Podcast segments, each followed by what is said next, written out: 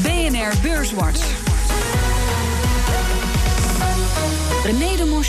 Ja, en ik praat met Elmer Hogevorst. Hij is auteur, trader, adviseur, columnist, analist en auteur van een boek Geld, Goud en Zilver. Mede-auteur, geloof ik, als ik het goed heb. Co-auteur. Ja. ja, en uh, Sam Ongering, hij is van Laken Asset Management uit Amsterdam. Uh, een week met twee aanslagen. één in Sint-Petersburg en één in Stockholm. En uh, Amerikaanse raketten op Syrië. Kortom, de internationale politiek staat in de belangstelling. Ja, wat moeten beleggers daarmee? En dan begin ik bij Elmer. Zeg je van, dit kunnen we tegenwoordig negeren, dit soort nieuws? Of moet je daar op lange termijn toch met veranderingen in politieke situaties rekening houden? Nou ja, ik wil nog net niet zeggen dat het begint te wennen. Uh, we hebben natuurlijk wel redelijk wat aanslagen gezien de laatste tijd. Ik heb uh, vanochtend vroeg gelijk natuurlijk gekeken naar, uh, naar drie indices van, van hoe die reageerden. He, iets voor vieren vanochtend. Je zag bijvoorbeeld de Amerikaanse S&P future, die, ja, die, die dook omlaag. en goud en, en olie, die, die stegen allebei behoorlijk. Maar in de loop van de dag zie je eigenlijk dat dat zich weer een beetje neutraliseert. En dat we bijna weer terug zijn bij af. Dus de effecten worden steeds minder. Uh, Sam, hoe doen jullie dat? Je tegen beschermen tegen dit soort ja, steeds korter wordende schokken, maar toch uh, een schokje? Nou, wat helpt is om met een wat langere termijnvisie uh, te beleggen. Het zijn inderdaad korte schokken en over de langere termijn zie je dat minder. het loopt er een beetje uit.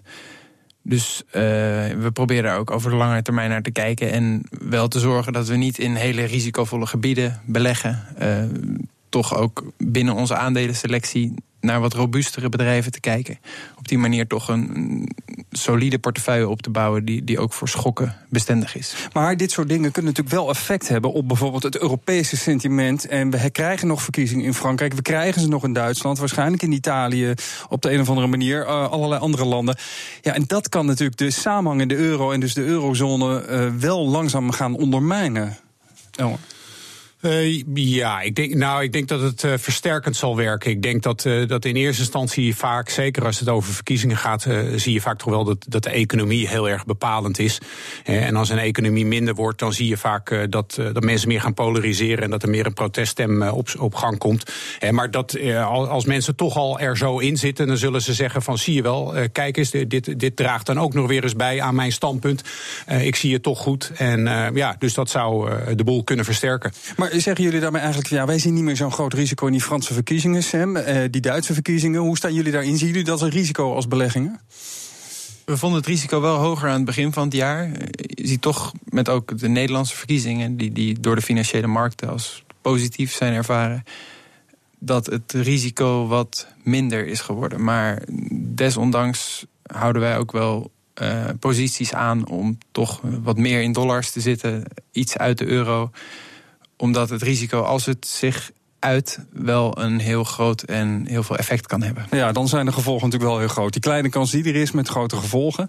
Um, ik ga zo even naar de individuele aandelen, maar toch dan naar het goud. Goud de laatste maanden gewoon echt in de plus uh, sinds lange tijd. Elmer, jij verdiep je daar echt specifiek in. Ja. Dat betekent toch dat beleggers in elk geval een deel daarvan niet meer helemaal zeker zijn hoe het zal lopen. Met inflatie, met onzekerheid op de markt, met de politieke uh, crisissen in de wereld.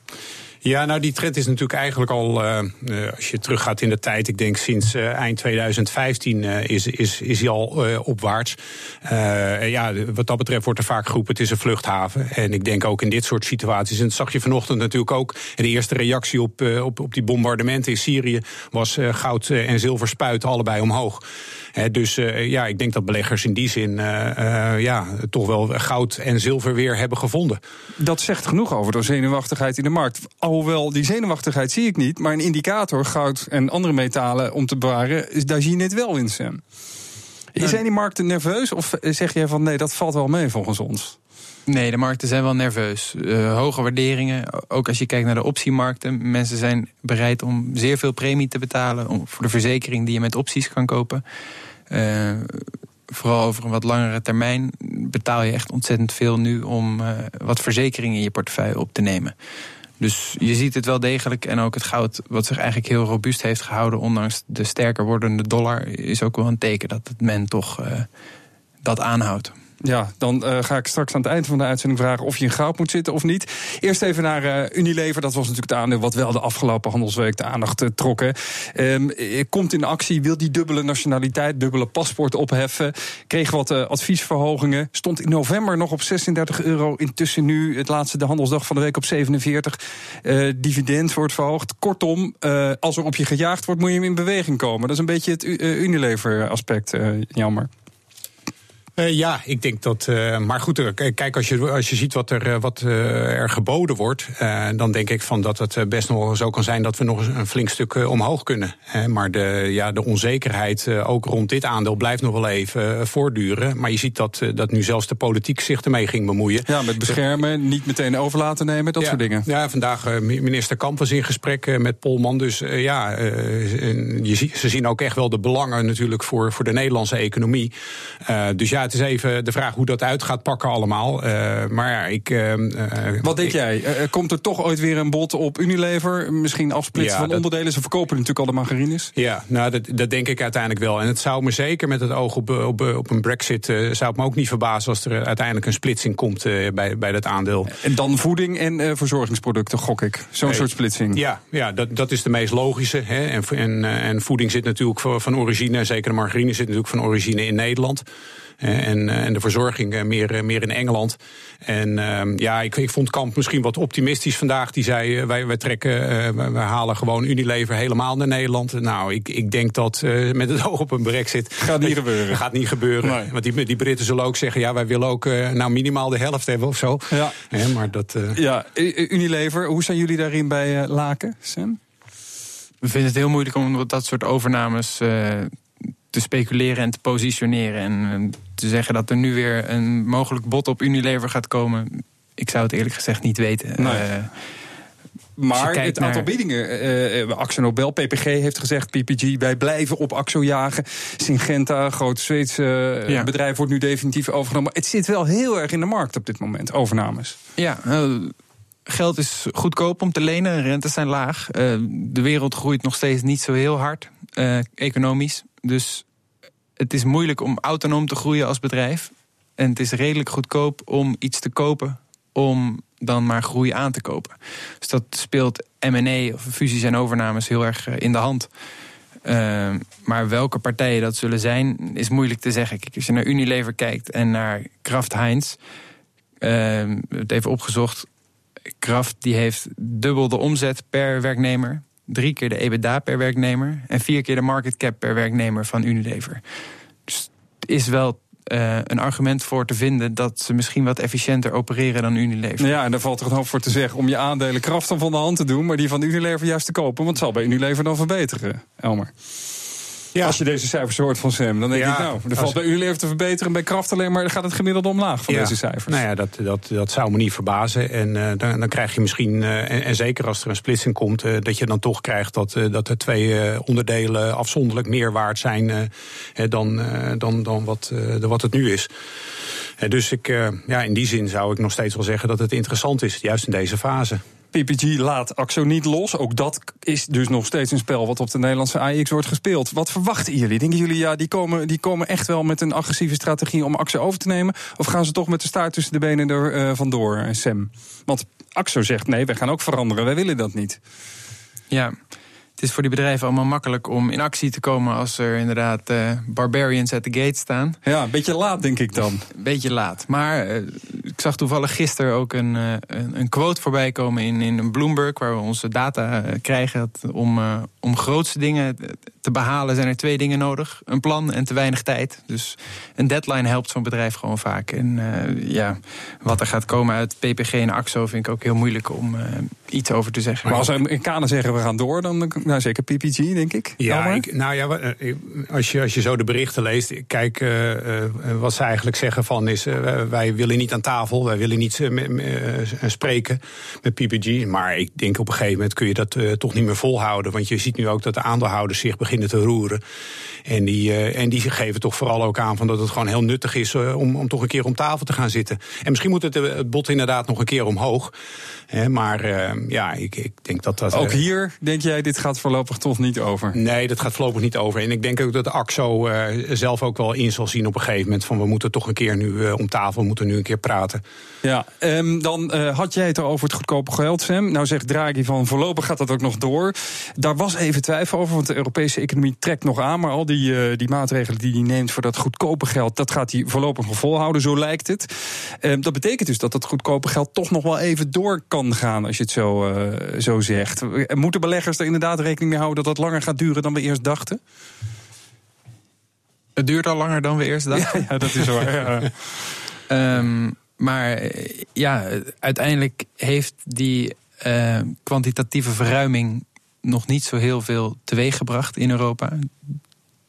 Trekt nu iets al, al aan. zegt hij zelf van wel. Maar... Ja, ja, ja hij, hij benadrukt dat het wel beter gaat, maar nog niet goed genoeg, ja, hè, dat zegt hij. Het is natuurlijk moeilijk in te schatten wat uiteindelijk het effect is. Alleen, ja, de ECB heeft een mandaat prijsstabiliteit en ze willen graag 2% inflatie.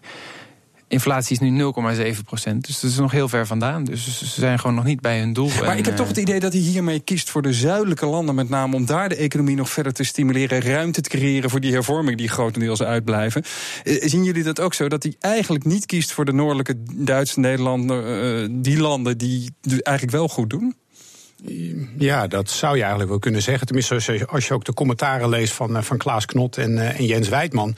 Ja, die zeggen heel duidelijk van het wordt tijd om die voet van het gaspedaal te halen. En dus, dus als, je, als je kijkt naar die en, en Nederland en, en Duitsland zijn in dat opzicht natuurlijk heel erg bepalend. Uh, dus dan zou je verwachten van, uh, dat daar toch wel een keer naar geluisterd wordt. Maar, maar, maar zeggen jullie dan van ja, eigenlijk kan hij wel ietsje minder, um, maar dat doet hij niet, maar het zou wel moeten, Sam? Zien jullie dat ook zo bij Laken? Dat hij toch doorzet wat eigenlijk wel afgebouwd moet worden? Nou, die verschillen in tempo binnen Europa van de zuidelijke economie en de noordelijke economie maken de situatie gewoon heel moeilijk. Als, dat echt, als het heel goed gaat met Duitsland en heel slecht met Spanje, dan staat de hele Unie op losse schroeven. Dus ik begrijp wel dat die iets meer nadruk legt op de landen waar het slecht gaat met zijn beleid. Ah, een politieke keus. Um, daar gaan we het uh, na de reclame over hebben natuurlijk. Hoe dat met de economische cijfers in Europa verder gaat. Want daar komen volgende week meerdere cijfers over. BNR Nieuwsradio. BNR Beurswatch. Mijn naam is René de Monchy en ik sta met Elmer Hogevorst. Hij is uh, een bekende in de beleggingswereld, heeft onder andere boek geschreven. En Sam On Onnering, hij is van Laken Asset Management. Um, maar we gaan eerst even kijken wat de afgelopen week op de beurs heeft gedaan. De AX kreeg er 0,3% bij, zo'n 9% onder de hoogste stand sinds 2007. De midcap die bleef de afgelopen dagen onveranderd. Stijgers. De SBM kreeg er 4,2% bij, de grootste stijger in de AX van de afgelopen dagen. En Axel Nobel deed ook goed, 2,6% erbij. Unilever, voedingsbedrijf, hadden we het zojuist over voor de reclame, 2,3% erbij. En in de midcap was het vastgoedbedrijf Wereldhaven dat goed won, 3,3%. Dalers. Dalers. Verzekeraar Egon blijft maar verliezen. Een van de grootste dalers sinds 1 januari. Ook de afgelopen week min, min 4,2%. Ook NN, de verzekeraar, deed het niet goed, 3,9%. En uh, Ahold Delhaize, supermarktconcern, min 3,6% In de midcap was het TomTom Tom dat verloor, ook 3,6% lager. Ja, nog iets te zeggen over deze aandelen? Een van jullie? Ik, ik vond uh, Ahold Delhaize niet helemaal verklaarbaar waarom dat, uh, waarom dat omlaag moest. Ik dacht misschien sectorrotatie, beleggers. Maar konden echt geen aandacht, uh, geen, geen reden voor vinden. Egon vind ik wel opvallend. Gaat maar omlaag de afgelopen maanden. Terwijl die renteverwachtingen toch op lange termijn wel ietsje beter worden, Sam. Is dat... Ja, maar juist recent zie je dat de rente weer een klein beetje daalt. dus dat is natuurlijk heel ongunstig voor de verzekeraars. Ja. Dus de verwachtingen waren, het gaat omhoog goed voor de verzekeraars. En nu het niet zo is, hebben ze daar dan toch weer last van. Ja. ja. Um, nou, Unilever hebben we het over gehad, natuurlijk. Axel Nobel ook. Um, eigenlijk de komende week een beetje een nieuwsluwe stilteperiode. De meeste bedrijven hebben hun cijfers van het uh, eerste kwartaal de afgelopen uh, jaar natuurlijk gepresenteerd. We gaan kijken naar de halfjaarcijfers. En dan kijk je naar wat, uh, wat, wat aandeelhoudersvergaderingen. Kijken jullie daar nou naar dat je denkt, daar kan nog nieuws uitkomen? Of is eigenlijk alles al wel bekend, Sam? Um, er is vaak wel veel bekend, alleen er komen wel handige presentaties van de bedrijven.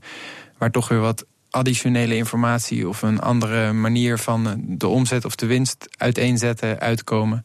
Uh, toch wel af en toe wat strategische updates. Dus we kijken er wel. Je moet er wel op letten als belegger. Ja. Je kan het niet helemaal missen. Nee. Uh, Elmer, hoe kijk jij naar die aandeelhoudersvergaderingen? Wat duidelijk wordt bij, de, bij sommige bedrijven is natuurlijk of er op ze gejaagd wordt of hoe ze staan tegen overnames, koerswind. Nou, wat Sam zegt, presentaties. Hoe kijk jij naar die aandeelhoudersvergadering als aandeelhouder, zeg maar? Ja, nou, ik denk dat je inderdaad moet kijken of de krenten in de pap zitten. Uh, want vaak is natuurlijk het verslag ja, een bevestiging van wat je eigenlijk al weet. En maar ehm, ja, het is eigenlijk een beetje wat Sam ook eh, gaat, die additionele informatie, een stukje visie of een stukje beleidsverandering voor de komende tijd. En dat is eigenlijk het enige, denk ik, waar je, waar je dan als belegger op zit te wachten. Ja, een soort van bevestiging ook wat je eigenlijk wil horen, wat, wat bevestigd moet worden. Ja, ja of misschien iets nieuws, echt, echt iets nieuws, maar uh, vaak is dat maar heel schaars. Ja, uh, meestal komt er niet heel veel nieuws uit. Hè? Nee. Dat is mijn ervaring. Maar inderdaad, bevestiging van, uh, van sommige dingen. Voor de rest is er eigenlijk niet veel op de agenda. Behalve dan economische cijfers. Toch wel belangrijk, met name in de VS, maar ook in het VK. Ja, dan hebben we het over die Brexit. Belangrijk economisch land in Europa natuurlijk. Ook een belangrijke beurs. Ik vind dat de onzekerheid voor beleggers wat betreft die brexit toch wel heel lang aanhoudt. Is dat nog wel verantwoord? Want je weet als belegger en als investeerder eigenlijk niet goed waar je aan toe bent, Elmer. Nee, nee, nee, je weet, nee, je weet ook niet waar je aan toe bent. En kijk, als ik nu kijk wat er de afgelopen week is gebeurd, het hele verhaal met Gibraltar, als dat een voorbode is voor wat we kunnen verwachten, dan, uh, nou, dan, dan he, it doesn't bode well, zeggen de Engelsen. Nou, dat, dat is niet echt een goede voorspelling, want dan, dan krijg je straks echt chaos. Uh, want als je gelijk al met een soort verkapte Falklandoorlog begint te dreigen, op het moment dat het over een rots ergens in de Middellandse Zee gaat. Ehm, ja, dus, dus ja, dit, dit zal zeker als, als die toon hetzelfde blijft, dan, dan wordt dat voor uh, beleggers wordt dat geen, uh, geen feest. De, kortom, Sam, niet in Engeland zitten, niet in de pond zitten? Nee, um, ik denk dat de, de pond staat sowieso op een niveau waar, wat het in 2012 ook ongeveer was. De markt aan zich is niet heel goedkoop, want er zijn ook veel van de valutadaling is weer in de koers vertaald. Dus we vinden het niet zo'n heel aantrekkelijke markt. En de, de, onzekerheid is lang, maar het is natuurlijk ook een heel project om zo'n land te ontkoppelen uit de Unie. Dus dat zal nog even aan uh, blijven. Ja, die onzekerheid gaat druk geven op investeringen, op koersen. Nou, dan hebben we het met op de pond. Op de pond ook, ja. natuurlijk. Um, dat betekent dus dat uh, iedereen die daarin zit toch wel even iets moet uh, hedgen, om het zo te noemen. Iets moet um, zien te compenseren als er in een daling komt. Maar en we hebben natuurlijk Elsevier, nou ja, dat heet dan tegenwoordig Relax. We hebben um, verschillende Nederlands-Engelse en we hadden het over Unilever bedrijven. Dan moet je dus ook niet op die aandelen in de AIX zitten, denk ik. Die heel erg Engels georiënteerd zijn. Zo zijn er ook een paar uh, bedrijven die natuurlijk daar een belangrijke markt ook hebben. Als ik, als ik dit doortrek wat jullie vertellen, wees voorzichtig met dat soort fondsen. Ja, als je niet houdt van onzekerheid, dan uh, denk ik dat je het beter kunt mijden. Ja. ja, ja. En al die grote bedrijven die opereren natuurlijk wel wereldwijd. En dan is het UK opeens maar een klein deel van hun omzet. Dat valt wel mee. Uh, Royal Dutch Shell zit ook in de UK, maar het heeft eigenlijk niet zoveel daarmee te maken. Unilever ook niet echt. Dus, nee, daarbij, uh, we hadden het er al over, die gaan mogelijk die, uh, die combinatie opheffen. Ja. Uh, maar goed, voor de AIX en voor andere landen dus niet zoveel invloed. Maar in, in, in Engeland zelf zitten met je aandelen beleggen, daar moet je wel voorzichtig mee zijn. Zeker wat betreft die pond. Uh, ja, maar een goedkope pond zal, uh, denk ik, uh, ja, zeker als die onderhandelingen een tijdje duren, weer aantrekkelijk. zal weer aantrekkelijk worden. Ja, want ja, ze zijn natuurlijk nog steeds. de handel met buitenland zal doorgaan. Ja, dus, dus ja. ja. Nou, er zijn in veel landen recordstanden. Ik noemde het net al, de AEX de afgelopen tien jaar niet zo hoog geweest. Nou, in Amerika zien we dat zeker. Um, Elmer, jij wees me voor de uitzending op een vergelijking tussen de periode Reagan en de periode Trump. Nou, wordt deze rally een Trump-rally genoemd. Ik moet eerlijk zeggen, is het nog wel te rechtvaardigen, die hoge standen, met name in Amerika. Hoe zie jij daar in een historisch perspectief op? Uh, ja, de Amerikaanse analisten hebben daar een mooie kreet voor. Dat, dat noemen ze de curse of the Republican president. Oftewel de vloek van de Republikeinse president. Nou gaat het volgens mij niet altijd op hoor. Ik heb het even teruggekeken. Maar als je bijvoorbeeld uh, George Bush uh, junior ziet, die in 2000 werd verkozen. In 2001 zag je dan, begin van het jaar, zag je dan een top. dus dan een paar maanden een rally. En daarna zakte die, die beurs ook behoorlijk in. En die vergelijking met Reagan, ja, in, in 1980 werd die eind 1980 gekozen. Nou, nou, er was daar een rally tot in april. En vervolgens zie je, zie je de, de Amerikaanse en, en de westerse beursjes algemeenheid zie je behoorlijk onderuit gaan. dus als je die parallel door kunt trekken, ehm, zou je zeggen. En ja, ik, ik, kijk ook altijd een beetje anders naar indices. Ik, ik denk dat de kans groot is dat wij binnenkort inderdaad aan een, aan een flinke correctie gaan beginnen op de, op de internationale indices. Nou, Oké, okay. Hoe zien jullie dat? Zijn die waarderingen hoog en gaan we inderdaad corrigeren? De vorige keer dat ik hier bij jou op bezoek was, toen was ik heel enthousiast over dat Trump heel veel gedaan zou krijgen, want hij had meerderheid in beide politieke organen. Hij heeft eigenlijk nog niet zo heel veel gedaan gekregen. En de beurzen zijn natuurlijk wel doorgestegen. Dus dat, maakt het moeilijk. De waarderingen zijn erg hoog. Maar als we kijken naar relatieve waarderingen met andere beleggingscategorieën, is dat nog steeds wel in het voordeel van aandelen, eh, denken wij. Ja, nou moet uh, dus, zeg jij, Trump het wel in gaan lossen. Hij moet echt gaan doen wat hij beloofd heeft. Wil je de hoge standaard, daar waar iedereen op vooruit is gelopen, gaan rechtvaardigen? Ja, en vooralsnog lijkt hij zich een beetje verhapstukt te hebben op het afschaffen van Obamacare. En dat is ook niet gelukt. Nee, dus de politieke onzekerheid in Amerika is een risico voor de hoogte van de Amerikaanse aandelen. Kunnen we dat zeggen? Ja, ik denk dat, uh, dat als, als, beleggers die uh, hoopvol gestemd zijn over bijvoorbeeld belastingverlagingen, die zullen na Obamacare nu ook wel gaan, uh, gaan denken van goh, zou dat dan wel gaan lukken? Want de Democraten zullen er alles aan doen om hem te blokkeren. dus ja, ik ben daar niet heel erg gerust op. Kortom, Trump is een factor voor beleggers. Ja, ja komen we al bijna aan het eind van deze uitzending. En dan vraag ik altijd een tip aan mijn gasten. Um, ik begin even met Sam. Heel kort, waar moeten beleggers op letten? Waar kijken jullie naar? Wat onderzoeken jullie? Ik wist dat Elmar ook in de uitzending zou komen. Dus ik had even gekeken uh, naar onze eigen goudpositie, die ook best aanzienlijk is. Er zit iets van 6% van onze portefeuilles in goud of goudgerelateerde beleggingen. Wij hebben daar aardig wat onderzoek naar gedaan. En er zijn verschillende manieren hoe je kan beleggen in goud. Dus je kan de goud-ETF's kopen, de zogeheten trackers. Uh, er zit een kostencomponent in, want er is een bedrijf die dat uitgeeft. Je kan uh, een kluis kopen en thuis uh, gouden munten of gouden tientjes. In ja, en hoe doen jullie het bij Laken? Um, wij uh, hebben gekeken, je kan natuurlijk ook goudmijnen kopen. Um, maar dan heb je heel erg het risico van specifieke goudmijnen. Als er stakingen zijn of er gebeurt iets onwenselijks. Er zijn ook gold royalty companies. een voorbeeld daarvan is Royal Gold. Uh, daar zit wel schuld in de balans, dus je hebt een bedrijfsrisico en er zit leverage in. Maar die hebben een heel mooi gespreid risico naar meerdere goudmijnen. Dus je hebt niet dat individuele risico. En ze krijgen een deel van de winst van de goudmijnen, omdat ze die ooit hebben gefinancierd. Dus het is een, een wat gespreidere belegging. Wel in goud, goud gerelateerd. Uh, en in welke zitten jullie?